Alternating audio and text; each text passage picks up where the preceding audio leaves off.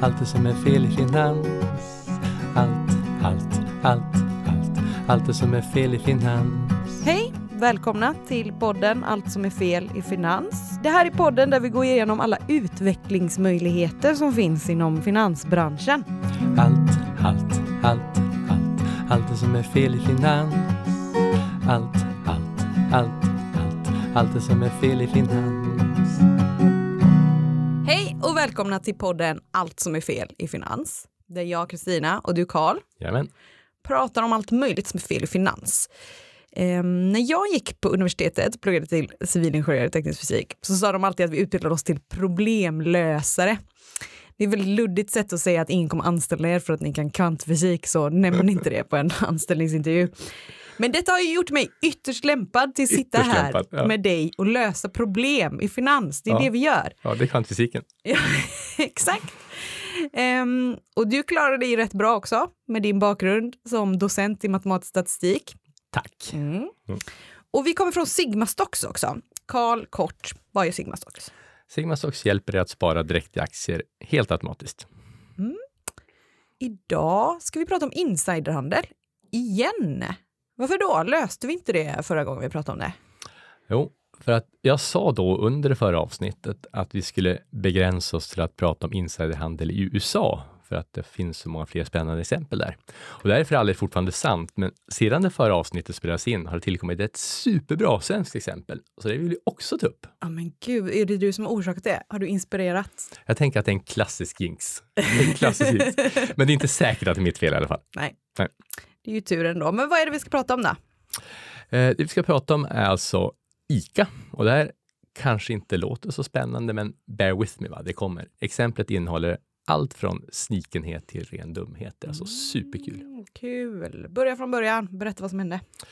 Ska vi börja på, tänkte jag börja på slutet? Det är ett klassiskt trick för filmmakare. Jag börjar på slutet då. Mm. Okej, börja från slutet. Okej, ja, mm. Men sen kommer jag antagligen hoppa direkt till början, men då kommer du i alla fall som lyssnare veta vad som ska hända.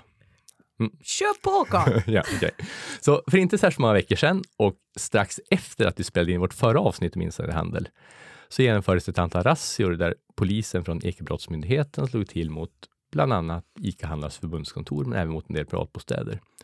Och två dagar senare satt 13 personer anhållna för inblandning på sannolika skäl, alltså den hög nivån av misstanke, misstänkta för olika nivåer av insiderbrott. Mm, det var ju så himla spännande. En gryningsräd Ja, mot ett gäng ICA-handlare. Men vad var det, vad var det ICA-handlarna hade gjort som var olagligt? Var det något med något kött de hade märkt? Ja, de har märkt fel. Det säkert det också, de tog in på det också. Men, men de hade på något sätt fått kännedom om att det var ett uppköpsbud på, på gång på ICA-gruppen. Så därigenom visste de att de garanterat skulle tjäna pengar på att köpa ICA-aktier och det hade de gjort. Och när så den här informationen spreds och folk köpte så gick aktien upp ordentligt. Mm, det här kommer vi ihåg från förra gången. Att handla på insiderinformation är olagligt. Det är olagligt, ja. Och några veckor innan budet blev offentligt så började alltså ICAs aktiekurs öka på ett rätt underligt vis, alltså aggressivt, nästan sen accelererade uppåt. Jaha, men var det här oväntat då? Ibland går det ju upp och ner på börsen. Alltså det ser väldigt, väldigt underligt ut och särskilt med tanke på att ICA är verksamma i en mycket stabil och trögrörlig bransch där allting i någon mening är känt. Det ska liksom helt enkelt kunna hända särskilt mycket med deras aktiekurs som inte är omvärldsrelaterat, för folk köper alltid mjölkost ungefär. Så att deras aktiekurs börjar öka mer och mer och snabbare och snabbare under en kort tid. Det fullkomligt skriker att någon vet något. Till exempel att ett uppköpsbud ska, ska komma. Då. Alltså man kunde gissa att någonting var fel då? Så. Alltså jag tycker nog det. Det finns inte fler bolag i Sverige än att någon eller några som har i uppdrag att övervaka insiderhandel borde kunnat agera tidigare och kanske till och med handelsstoppat aktien tidigare under hösten. Men nu hann de inte det. Mm, det finns alltså någon vars jobb det är att hålla koll på Ja. det här. Jajamän, visst är du glad att inte du? Ja. Ehm, men de lyckades inte då, så då blev det razzia i efterhand Det blir istället. razzia efterhand. Mm. För den 10 november förra året, när det offentliggjordes att ICA Handlarnas Förbund, AMF, alltså ett pensionsbolag som i lika delar ägs av organisationen Svenskt Näringsliv och LO, skulle köpa ut ICA-gruppen från börsen, då blev det så fantastiskt uppenbart att det begåtts insiderbrott att det överhuvudtaget inte gick att undvika att agera för någon som då hade, ja, har mandatet att göra så. Mm. Så nu sitter det ett par ICA-handlare i finkan då? De gör det. Hos farbrorpolisen. Va? Och det är inte alls omöjligt att de kommer att få sällskap av många fler. Det finns säkerligen ett antal ICA-handlare som käkar lugnande just nu i väntan på deras alldeles egna speciella besök av, av, av blåljus, blåljusbilen. Liksom. Ja. Ja, har man rent mjöl i påsen så har man inget att oroa sig för Nej. som jag brukar säga. Ja, alltså det, är inte, det är inte synd om dem så liksom. Men det är faktiskt rätt ofattbart att de utsätts för den här risken i första läget. Liksom. Varför då? De som har gjort de här affärerna i många fall är ICA-handlare själva som äger till exempel en ICA Maxi eller stormarknad.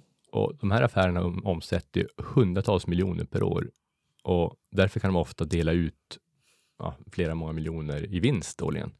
Och det är ju att det känns så förmätet och sniket, alltså uppenbart bryta mot lagen för att tjäna några miljoner till. Liksom. Mm. Man vet ju sedan gammalt att alla som är rika i Göteborg är ICA-handlare. Ja. Så det är konstigt att de inte var nöjda redan. Ja, det är konstigt.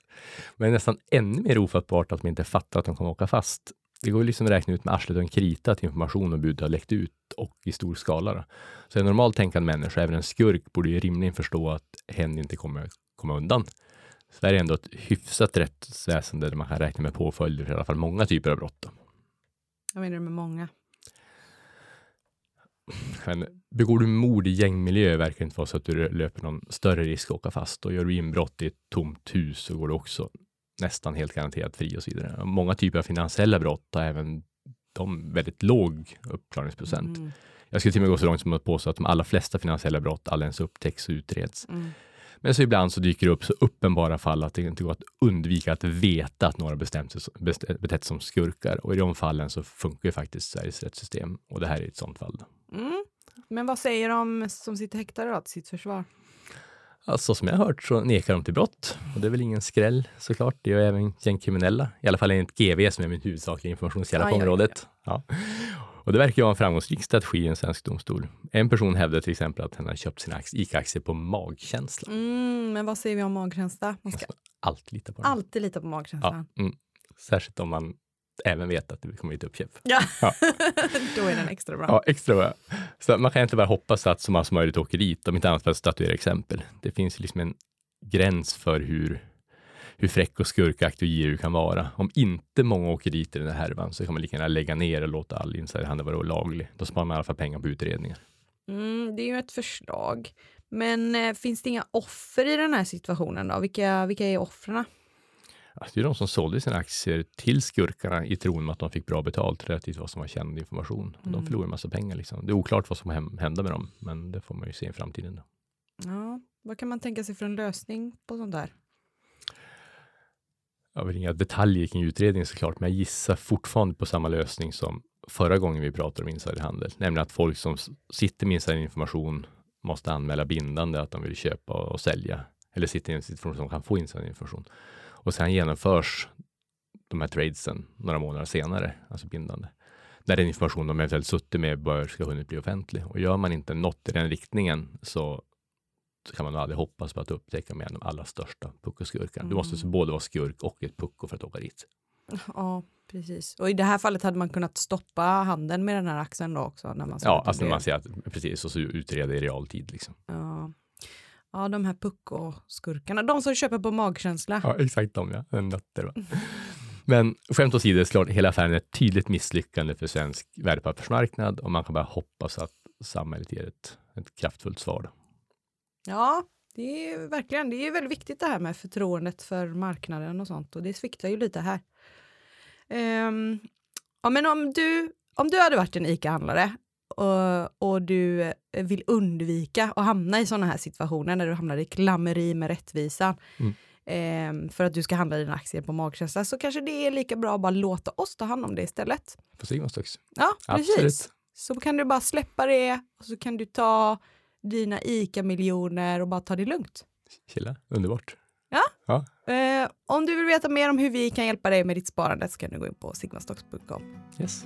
Tack så mycket Carl! Tack det. Allt, allt, allt, allt, allt det som är fel i finans. Allt, allt, allt, allt, allt det som är fel i finans. Följ Sigmastocks på Instagram, Sigmastocks och lämna förslag på vad jag och Carl kan prata om i kommande avsnitt. Allt, allt, allt, allt, Allt det som är fel i finans. Allt, allt, allt, allt. Allt det som är fel i finans. En poddproduktion av Fred